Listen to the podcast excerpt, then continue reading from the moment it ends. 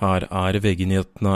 Ja, den er frekk! Småfrekk! Ja, den er sylfrekk, og det går bra! Kommer susende forbi de to svenskene på innersporet og er først ut. Ja, den manøveren der lukta det svidd av. Kristine Stavås Skistad tok innersvingen på alle de svenske favorittene da hun tok seieren i verdenscupsprinten i finske Lati i dag.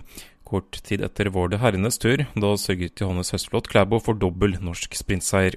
To personer er fraktet til sykehus etter at taket på en butikk på kjøpesenteret Lillenge i Østersund i Sverige kollapset. Skadeomfanget er ikke kjent. Det er heller ikke kjent om det var noen nordmenn blant de skadde. Flere ankomster og avganger fra Tromsø lufthavn har i dag blitt forsinket pga. drivstoffmangel, det melder avisa Nordlys. Årsaken skal være at drivstoffleverandøren Flytanking AS ikke har fått godkjent drivstoffet de har lagret i tankanlegget på Skjelnan. Helt til slutt har vi med at bystyrepolitikere fra SV og MDG reagerer sterkt på fyrverkeri som ble avfyrt i Oslo sentrum sent fredag kveld. Fyrverkeriet var godkjent på forhånd og var en del av bursdagsfesten til Christian Ringnes, det melder Aftenposten.